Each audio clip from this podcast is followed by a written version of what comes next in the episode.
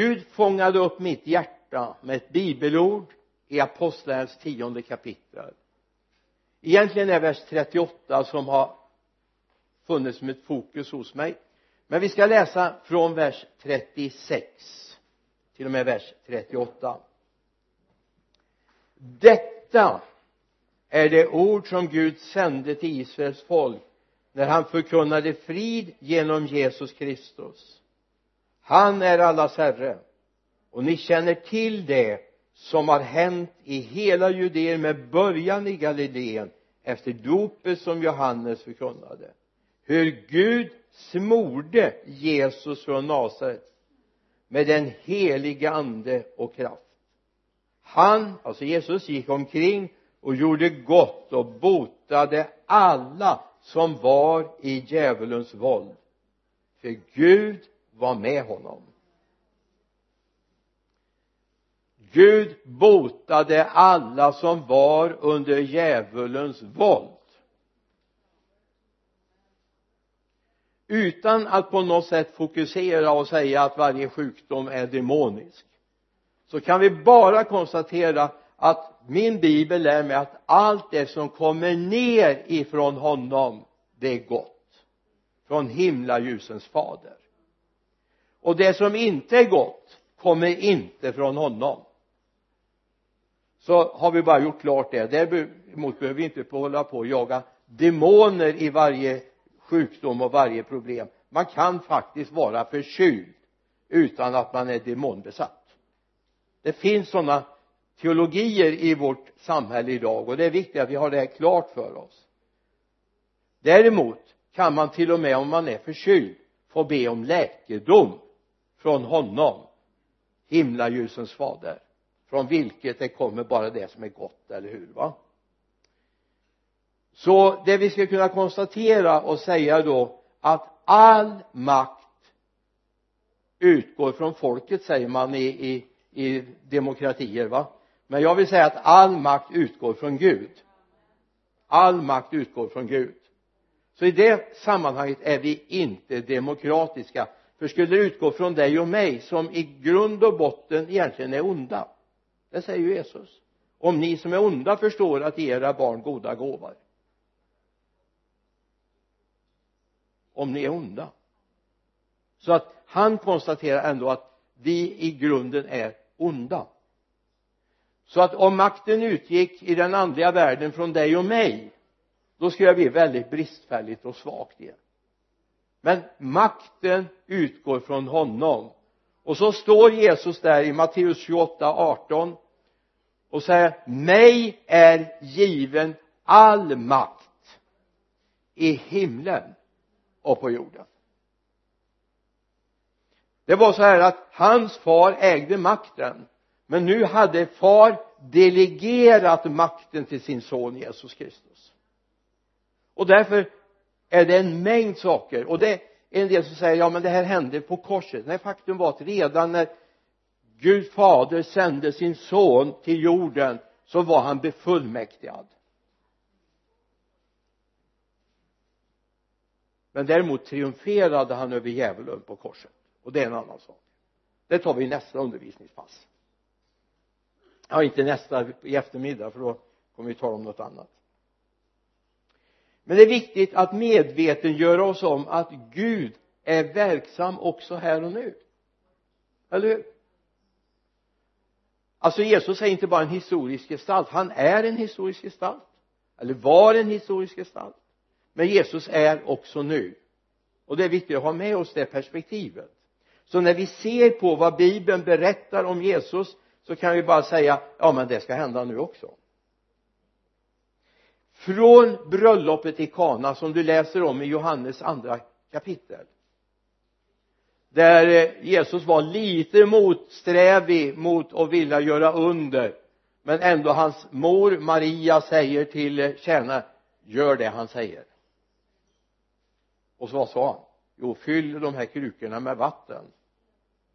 Och så förvandlades det och blev drickbar dryck ända till vi kommer in i Johannes 18 och det är en lång period mellan Johannes 2 till Johannes 18 då är det när Jesus grips i ett semani och eh, översteprästernas tjänare kommer för att ta honom och det fanns en som hette Malkus som blev av med ett öra. Petrus var lite hetlevrad så han tog upp svärdet och klippte till. Han tänkte jag ska försvara Jesus med mänsklig makt. Men Jesus gick till rätta med honom och säger stick tillbaka det där svärdet i skidan. Och så tar Jesus örat och så helar han Malkus så hela den här perioden så är det fullt av märkliga händelser. Demoner får ge vika. Febersjuka där febern lämnade. Ögon öppnas, lama börjar gå blödarsjuka blir friska. Utstötta fick en ny chans. Spetälskade leprasjuka blev botade och till och med kraftgärningar så att lemmarna kom tillbaka. Du vet spetälskande lepran den vill gärna äta upp kroppsdelar. Men det kom tillbaka. Och så fick de in i samhället fick dela gemenskapen med de andra igen. Alltså det här är bara ett litet snabbt genomdrag genom vad som hände under det Jesus gick. Men det bästa av allt det var att människor som Jesus kallade som Jesus mötte blev Jesus lärjungar. Det slår varje mirakel det slår varje under att människor stod upp och följde honom. Lämnade fiskefänget lämnade tullbordet lämnade åkerbruket. Allt för att stå upp och följa honom. Och ingen av dem som började gå med Jesus hade någon form av garanti för var det skulle sluta. Ingen. Och de gick ändå. Därför han hade makt kraften. Han hade attraktionskraften och det fanns liv. Så när vi läser i eh, i Markus det sextonde kapitlet så står det om dessa lärjungar som har gjort den här radikal de har varit med och sett mirakel. De såg mannen som kom ner genom taket och Jesus bara befallde att han skulle bli frisk han som bars dit han gick och bar sin säng hem istället. Och till mångas förtvivlan så var det på en sabbat. Det var ju inte så helt okej okay, va? Då står det i tjugonde versen här som följd de gick ut och predikade överallt och Herren verkade tillsammans med dem och bekräftade ordet genom det tecken som åtföljde det lägg märke till. Det var inte så att undren bekräftade undren. Det var inte så att miraklet bekräftade miraklet. Vad gjorde miraklet och undret? Jo det bekräftade ordet som förkunnades. Låt mig få ta en bild. För det här är högaktuellt i våra nordiska länder idag. Det här är högaktuellt. Därför där har man gjort miraklet till huvudsatsen. Men det är ordet som är centrum. Tappa aldrig bort det. Jag menar förlåt mig får ta en bild? Lite naiv och barnslig. Men jag är sån. Jag menar tänk om någon reser ut på E20 här och så får den se en skylt där det står Stockholm 470 och så säger jag vet allt om Stockholm. Jag har sett skylten. En del har sett mirakel, märkliga mirakel. Jag har själv upplevt mirakel. Men jag kan inte säga för det att jag vet allt om Gud för det. Men ändå bekräftar det att ordet är sant. Det bekräftar ändå att det som ordet talar om som egentligen är då Jesus Kristus han som är ordet att han är sann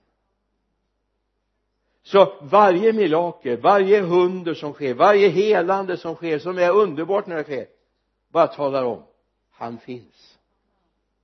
Och jag blir bara mer ivrig att lära känna honom. Jag blir bara mer ivrig att få börja vandra tillsammans med honom. När man läser evangelierna och man förstår att det är ingen dagbok som är förd även om Lukas var väldigt noggrann Lukas evangeliet läkaren han var väldigt noggrann. Så förstår vi att allt som hände varje timma, varje dag är inte nedtecknat. Utan det är de stora penseldragen. De viktiga sanningarna som förs fram. Och jag tror lite granna om det nu är bokstavligt eller bildligt det får vi se. Men i Johannes 21 står det någonting. I vers 25 så konstaterar Johannes och Jesus gjorde också mycket annat. Men om varje händelse skriva, skulle skrivas ner tror jag inte ens hela världen skulle rymma de böcker som då måste skrivas. Ja det här har man haft roligt åt det här bibelordet. Men en sak säger det vi ska inte ha en teologisk debatt nu huruvida det här är ordagrant. Jag har en benägenhet att tro det. Jag har en benägenhet att tro det men det är ändå en signal om att det var mycket som hände där Jesus gick fram. Och då ska vi komma ihåg att Jesu verksamhetsperiod är bara runt tre år. Hur länge har du varit frälst? Hur länge har du vandrat med honom? Hur många böcker skulle kunna skrivas om det som händer i Jesu namn runt dig?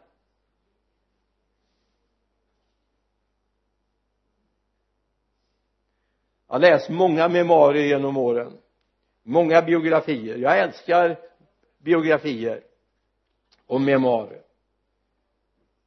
En del memoarer är väldigt välfyllda och det står mycket om vad Gud har gjort och mycket förhärligande av honom. Charles Finney till exempel. Dial Moddy eller ska vi trava in på den svenska scenen? Ska vi läsa om Levi Petrus? Men eh, jag har också läst memoarer, jag ska inte nämna dess namn som var väldigt tjocka men innehållsmässigt väldigt tunna. Man hade fyllt ut med väldigt stora bilder och stor text och gles mellan raderna. Lättläst i och för sig men väldigt tunt. Jag vet inte hur din bok skulle sett ut om du hade skrivit någon men runt Jesus hände det mycket. Det kan vi konstatera.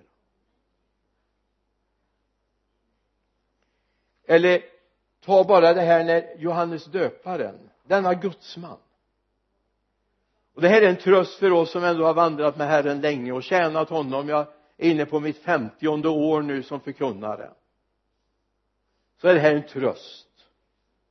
Att veta att till och med Johannes döparen som ändå var sänd som förebud för att bana väg för Guds son som var medveten om att det är som sig bör att jag trappar ner och han växer till. Och så sitter han där i fängelset och så börjar han fundera. Har jag tagit fel? Har jag tagit fel? Var det du Jesus som skulle komma?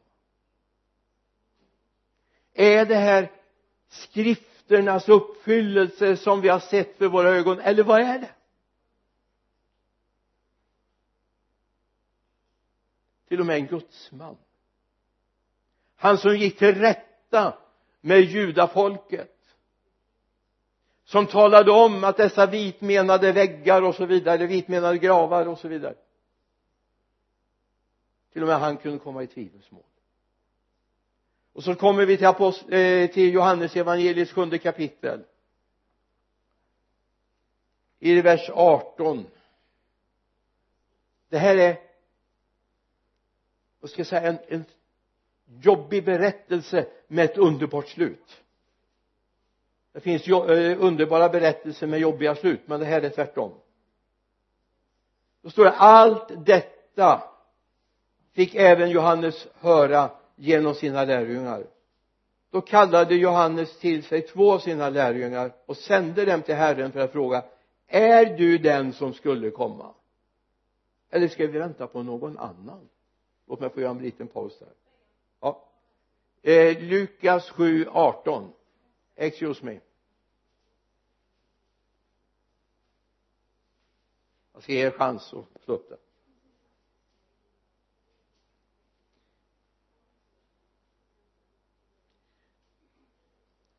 Får jag börja en liten parentes där? Eller ska vi vänta på någon annan? Låg det något annat i detta? För Johannes visste att hans uppgift var att förbereda Messias. Han visste det. Alltså om du inte är den Messias som Gud har sänt får jag nådatid då? Jag vet inte om du har tänkt den tanken. Får jag nådatid då? Men han fick inte det. Han blev ett huvud kortare.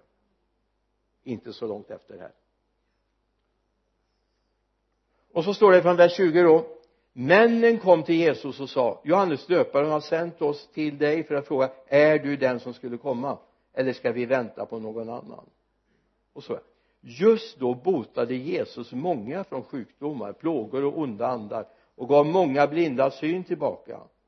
Han svarade gå och berätta för Johannes vad ni sett och hört. Blinda ser, lama går, spetälska ska bli rena, döva hör, döda uppstår. Fattiga får höra glädjens budskap. Gå och berätta det här för Johannes döpare. Förhoppningsvis tröst för Johannes kanske förtvivlan men det här ligger ändå i linje med Jesu liv han kom för att uppsöka och frälsa det som var förlorat.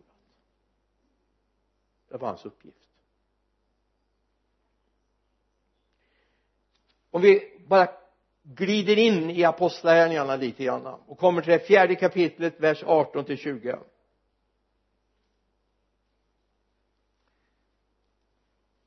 kan vi säga så här att Johannes och Petrus går åstad i Jesu ande? I tredje kapitlet om du bara tittar tillbaka i tredje kapitlet ska vi se att de botar en man som sitter vid sköna porten. En lam man som ville ha en allmosa och fick ett helande. Jag tror inte han tyckte det var en dålig gåva han fick. Jag tror inte det för ett ögonblick. Det var inte så att han satt där med sin burk och sa ja men jag vill ha pengar i den här istället. Utan han blev jätteglad han följde ju med, han jublade, han dansade och han ställde till oväsen enligt fariseerna. Om vi läser då i fjärde kapitlet vers 18 de kallade in dem och förbjöd dem att tala eller undervisa i Jesu namn. Men Petrus och sa svarade bedöm själva om det är rätt inför Gud att vi lyder er och inte Gud. Och så kommer bara sig vi för vår del kan inte hålla tyst med vad vi har sett och hört. Kan det här vara dilemmat? Att vi har svårt eller har, har svårt att säga någonting. Vi har väldigt lätt att hålla tyst därför vi har inte sett någonting.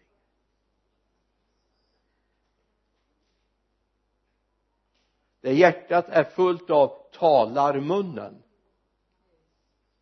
är hjärtat fullt av Jesus så talar det Jesus. Men är det fullt av prylarna i den här världen så talar det prylarna i den här världen. Är det melodifestivalen som pågår nu som fyller våra hjärtan så är det det vi pratar om. Men har vi sett honom vad han kan göra då kan vi inte hålla tyst om honom.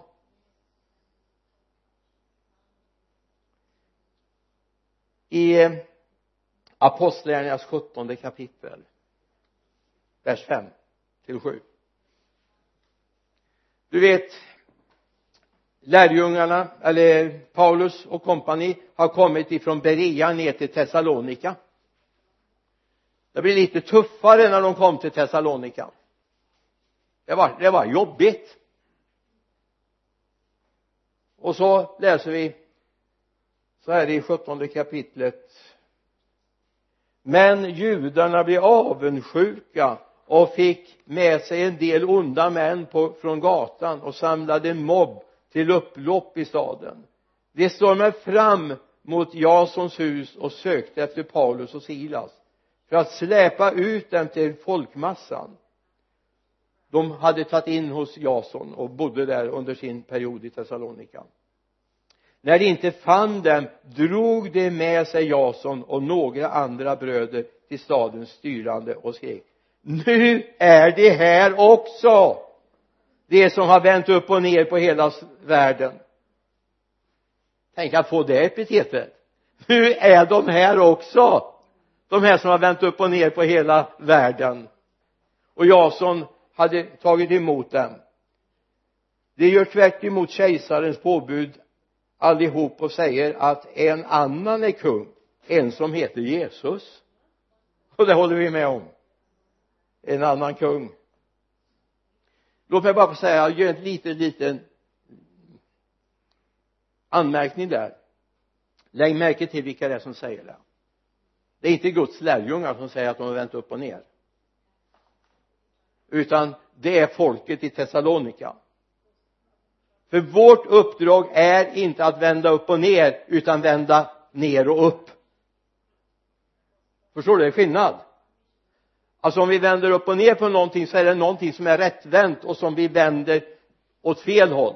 Men världen är felvänd och ska vändas rätt. Vi kommer till det om en liten stund.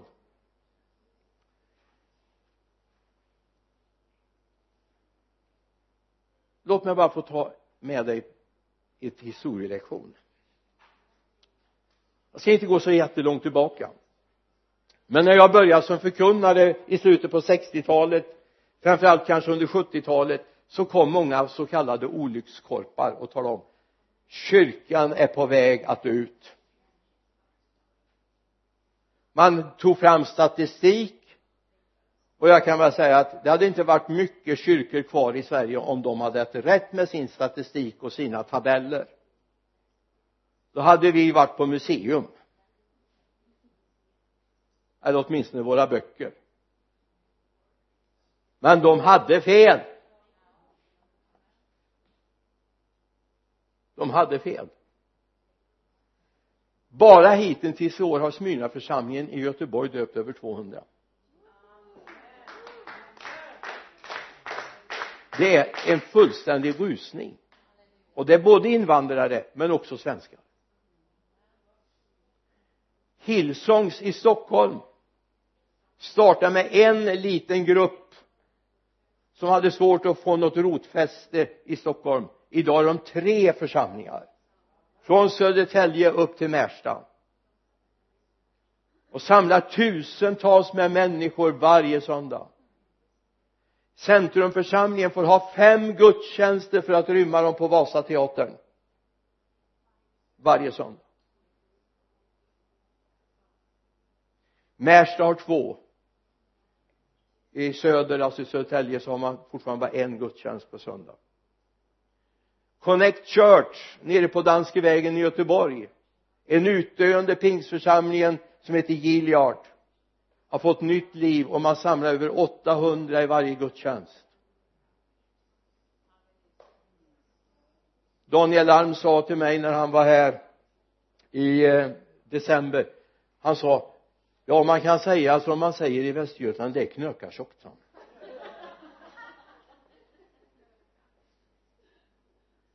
man får stå. Det är ståplats på gudstjänsten. Alltså de här så kallade olyckskorparna hade fel. Varför? Församlingen är Guds. Det är inte människoverk. Vi är människor som är med under en tid bär stafettpinnen under en tid. Men det här är Guds församling. Det är Guds församling. Den här församlingen var uträknad på slutet av 80-talet början på 90-talet man kunde inte fira gudstjänst varje söndag men Gud hade en annan plan. Idag söker vi att få komma in i nya lokaler. Därför Guds tid är den tid som är nu. Och det är viktigt att komma ihåg att 2015, 20, 2015 till 2020 skulle frikyrkan vara död i Sverige. Men det kommer den inte att vara kyrkorna kommer fortsätta växa.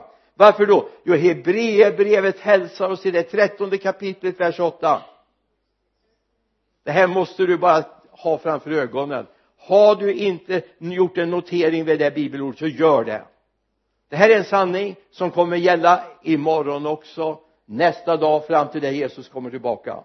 Jesus Kristus är densamme igår och idag och i evighet. Ska vi bekänna det? Jesus Kristus är densamme igår, idag och i evighet. Amen. Den Jesus vi möter i evangelierna den Jesus som apostlarna beskriver det är den Jesus som vi lever tillsammans med idag det är samma Jesus. Mirakel och under kommer ske i vår tid. Inte för att bekräfta miraklen och undren utan för att bekräfta att ordet är sant. Det finns en bön som Jesus lärde oss att be. En bön som jag tror jag nästan varje dag under mina 50 år som förkunnare har bett. Det finns en sentens. Det är ju så att den här bönen som vi kallar för vår fader eller fader vår innehåller ju ett antal böner. Men det finns en bön ibland de bönerna som har brunnit i mitt hjärta i 50 år. Och det är vers 10 i Matteus 6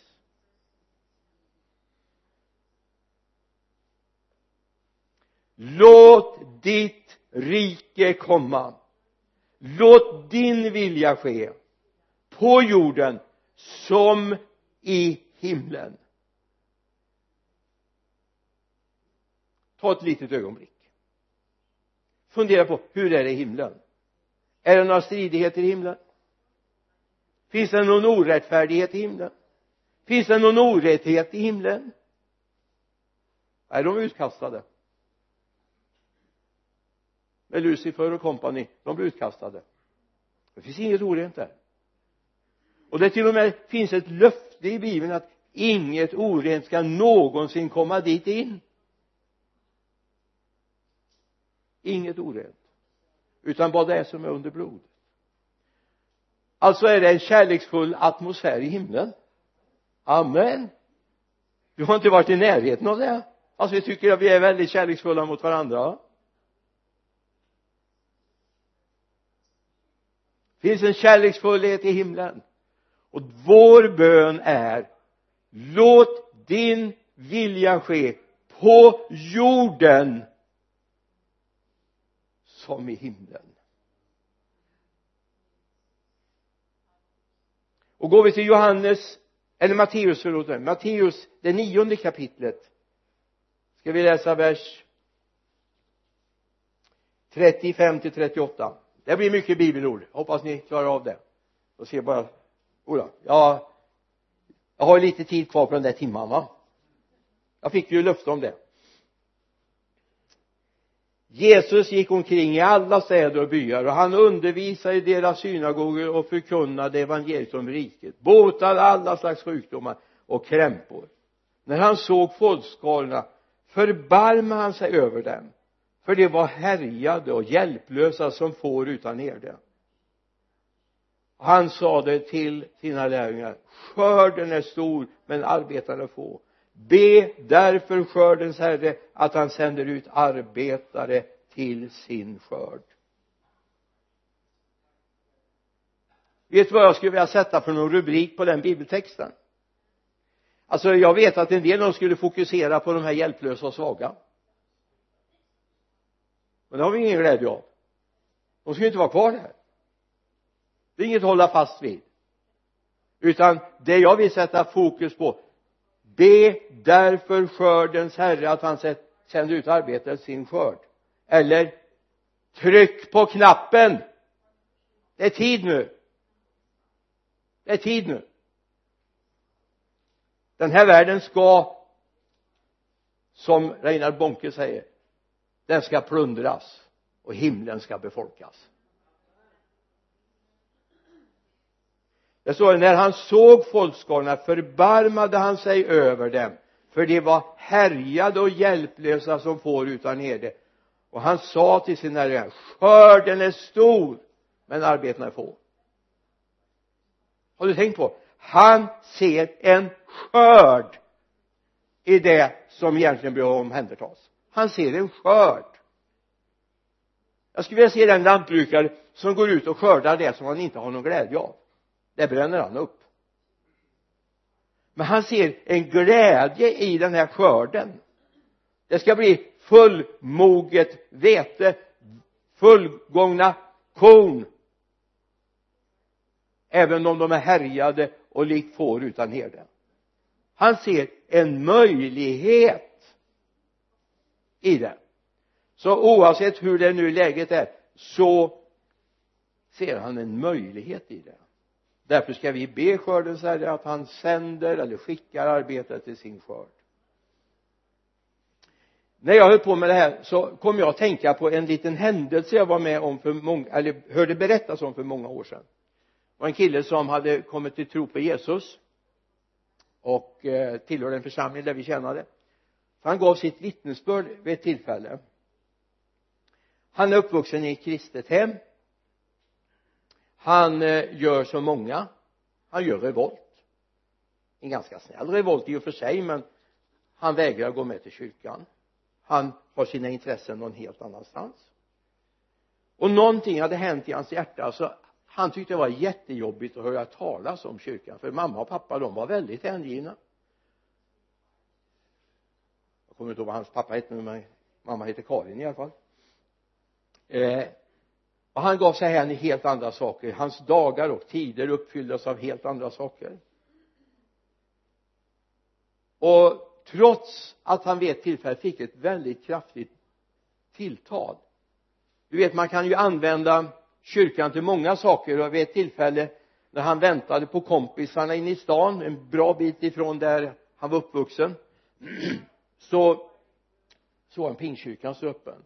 Jag tänkte jag kan ju gå in i pingkyrkan medan jag väntade på kompisen han var en timme för tidig. Det var kallt och snålblåst ute. Och när han gick in så var det helt fullt. Så han fick gå upp på läktaren och eh, få sig en plats längst uppe på läktaren. Och precis som när han ska ta den där, det är sån här fällstol, ska bara fälla ner för att sätta sig så ställer sig en man som heter Albin Forsberg upp och profeterar. Så han blir stående. Du som har tänkt att aldrig gå in i en kyrka. Men du sa idag det kan ju inte vara farligt. Jag herren kallar dig nu. Och det var på helt fel plats i gudstjänsten. Jag kände Albin Forsberg.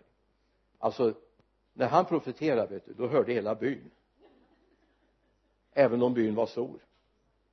Han hade en tordönsstämma verkligen.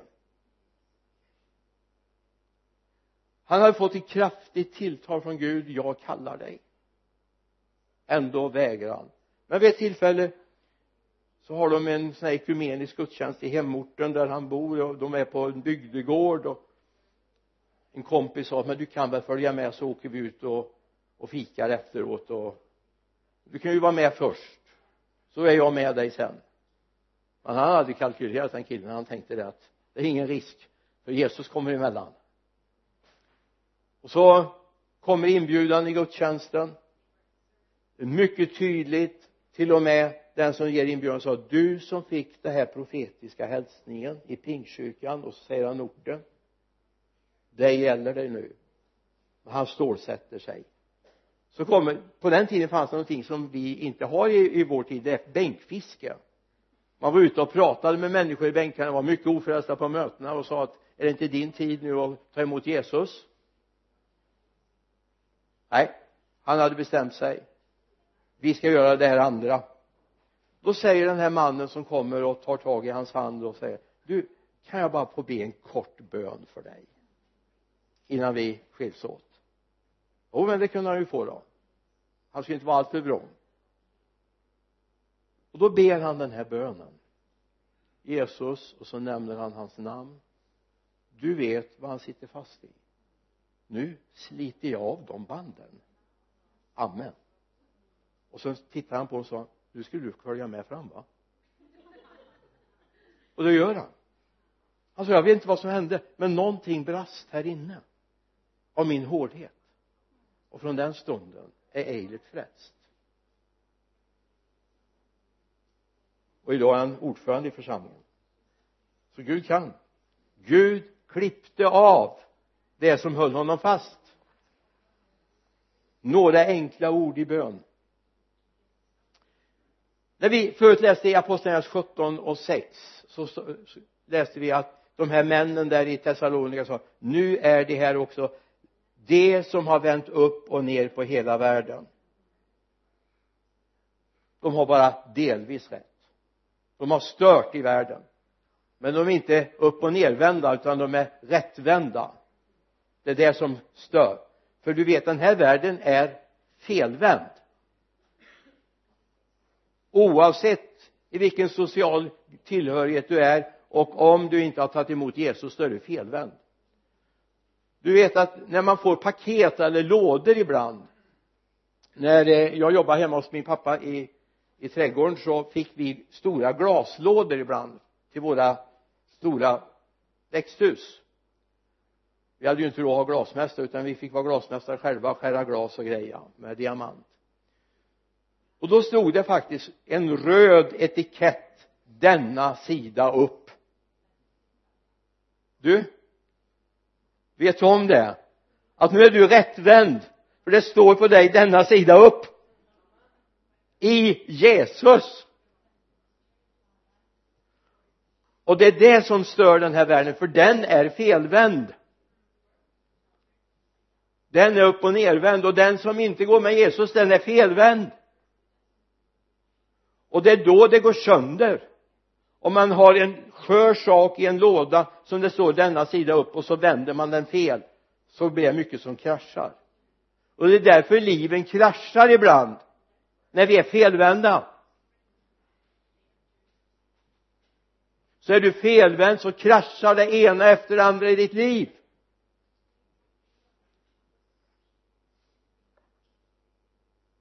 Så det är viktigt att bli rättvänd och det kan vi bli vid Jesus Kristus. Han vill vända oss rätt. När vi lever i en felvänd värld oavsett om det gäller oroligheter ute i världen krig farsoter farsoter eller klimatet. Jag menar vi kommer aldrig få ordning. Då får ha hur många konferenser i Paris som helst om klimatet. Det finns bara en sak klimatförändringen sker i hjärtat. Det är ett mirakel från Herren. Sen ska du inte sörja allt för mycket över den här jorden för jag menar i himlen är det inga klimatförstöring. Och dit ska vi. Den här världen ska rullas ihop som en skrynklig klädnad. Den ska brännas upp. Den är sparad åt eld står det. Men vi ska ju inte vara kvar här vi ska ju hem. Vi ska ju hem. Så vi behöver inte oroa oss så jättemycket. Jag säger inte att vi ska vara miljöbovar. Absolut inte. Men vi behöver ju inte ha den ångesten. Gud har ordnat en plats åt oss. Läs Johannes 14 ska vi se. Han har ordnat en plats. Och skulle det nu vara så att det inte är färdigt så, så står det att ja men då har han gått för att göra det i ordning. En sak som Gud bara talar väldigt tydligt här i natt till mig om. För att få den här världen rättvänd så finns det ett ord i Malaki. Jag hade nog en halvtimme med Malaki i natt. Tårarna rann. När jag bara drabbades av Malaki 4 verserna 5 till 6 Malaki 4 5-6 se jag ska sända er profeten Elia innan Herrens dag kommer den stora och fruktansvärda. Han ska vända fädernas hjärtan till barnen och barnens hjärtan till deras fäder så att jag inte kommer att eh, vi, eh, viger landet åt förintelsen.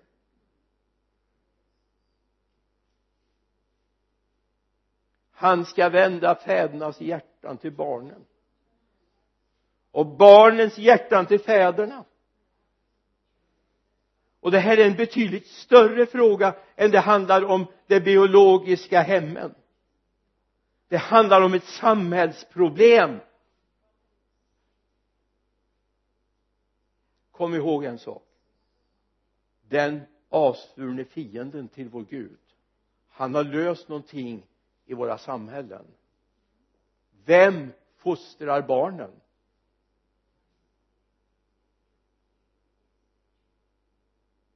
Jag vet inte vilket svar du har. Men är du inne i systemet så är det absolut inte föräldrarna föräldrarna har barnen bara den där tiden när de är trötta slitna och så en och annat lov eller sådana här k-dagar på jobbet. Men då lägger man ut den till någon annan. Alltså det, det handlar om någonting som vi borde stå upp för.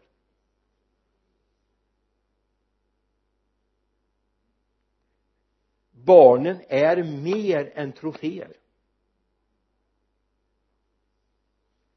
Kom ihåg att samhället förväntar sig att du ska vara produktiv. Samhället förväntar sig att du ska vara en produktionskapacitet. För att inte tala om genuspolitikerna som förväntar sig att kvinna och man ska vara lika mycket ute på arbetet. Oavsett vem som är mest lämpad för att ta hand om barnen jag säger inte att män är värdelösa att ta hand om barn. Men när genusperspektivet kommer in och de här kvinnosakskvinnorna får igenom sin rätt de har inte haft ett öra som har lyssnat uppåt. De skulle behöva lyssna på honom det är han som har skapat den här världen.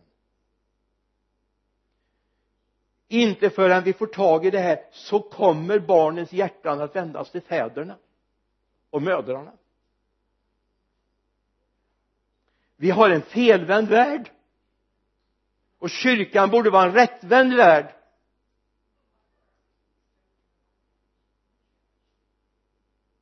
Kom ihåg ett barn går aldrig i repris. Ett barn går aldrig i repris. Visst det finns försoning det finns upprättelse det finns förlåtelse hos honom. Men det är viktigt att komma ihåg att vi får inte vara med i ett, ett samhällsbygge där vi bara ses som produktionsapparater. Vi är människor skapade av Gud. Och Gud har en uppgift för oss. Och den står över samhällets förväntningar och våra plånböckers förväntningar. Det står över det.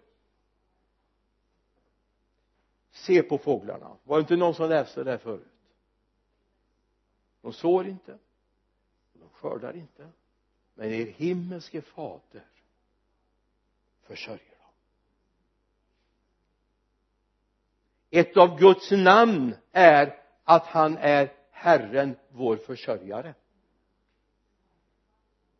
Tror du på det? Gud har omsorg om oss. För Gud vill vända fädernas hjärtan. Det här är så stort så det här återkommer till mig i nya testamentet. Om vi går till Lukas evangeliets första kapitel alltså kom ihåg det som står så tidigt är oerhört viktigt. Det här går inte att skoja bort. Det här är allvar det handlar om en värld som håller på att gå förlorad. Det står i 16 och 17 versen. Många av Israels barn ska han omvända till Herren deras Gud. Han ska gå före honom i Elias ande och kraft för att vända fädernas hjärtan till barnen och ge de trotsiga ett rättfärdigt sinne och skaffa åt Herren ett folk som är berett han vill ha ett folk som är berett.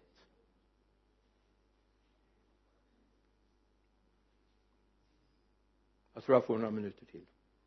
Jag hade en del att säga till om det här men jag tror att du har fått så att du klarar det just nu. Det finns ett grunduppdrag för varje kristen. Det finns ett grunduppdrag. Och det är att uppsöka och frälsa det förlorade ett grunduppdrag.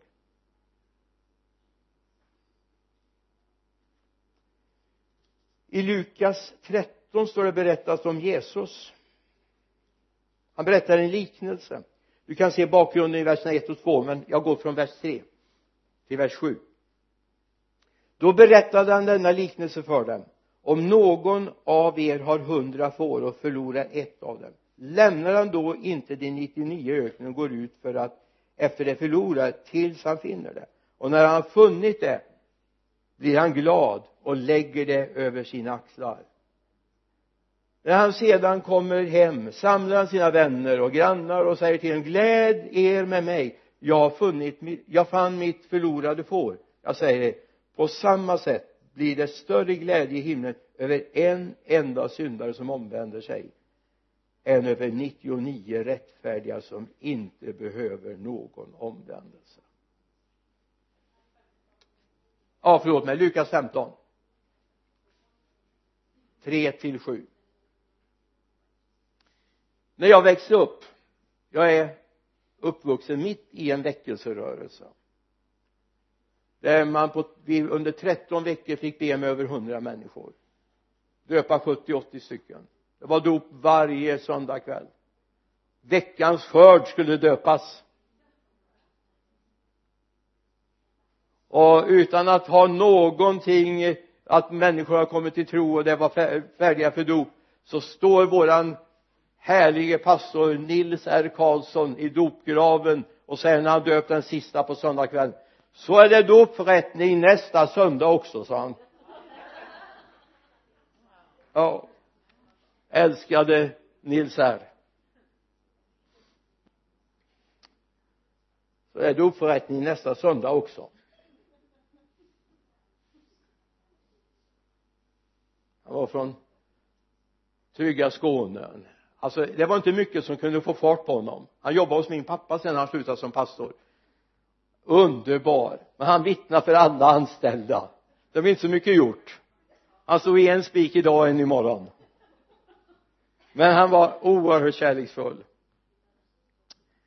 Men när det här hände så säger de som var äldre på fem veckor sov inte Nils R. Karlsson en enda natt. På fem veckor sov han inte en enda natt. Han var bara hemma och bytte om efter mötena tog på sig kläder kom hem på morgonen och bytte om igen inför dagens verksamhet i församlingen. Han var ute och tog hand om nyfrälsta. Han var ute i fyllekvartarna han var ute i knarkkvartarna han var ute där brotten begicks. Han mötte dem där de stod och slog sönder skyltfönster och bad till Gud för dem istället. Hans bil en Ford Austin med svart tak och gul den kallade han för gula faran i stan. För de sa nu var utryckning, nu var det utryckning, nu hände någonting och han hade inte kontakt med polisen men han hade kontakt med Guds ande. Och Guds ande ledde honom vecka efter vecka. Ett bra föredöme.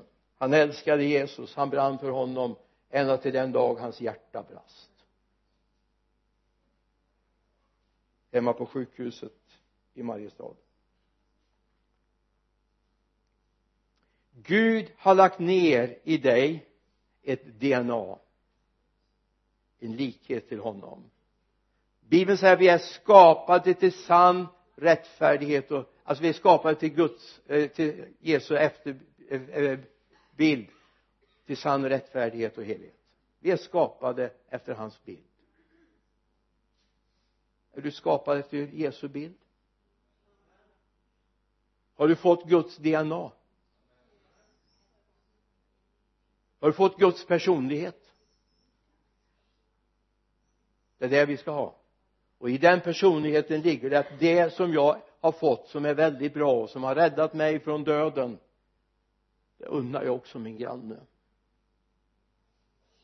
Jag vill inte att någon ska gå förlorad. Jag har haft perioder i mitt liv där jag har bara kunnat åkt i bilen och så tänkt så här vem vittnar om Jesus för de som bor här? Vem berättar för dem som bor här att Jesus är en verklighet? Det var en period så jag var tvungen att säga till Jesus du får stänga av det här ett tag för jag orkar inte bära det. Och så stängde han av det. Och då orkar inte jag bära det. För det var så tyst. Så fick jag be Gud koppla på det igen. Och på den resan är vi. Han har gett mig ett identitet i honom. Min identitet är Kristus den nya skapelsen.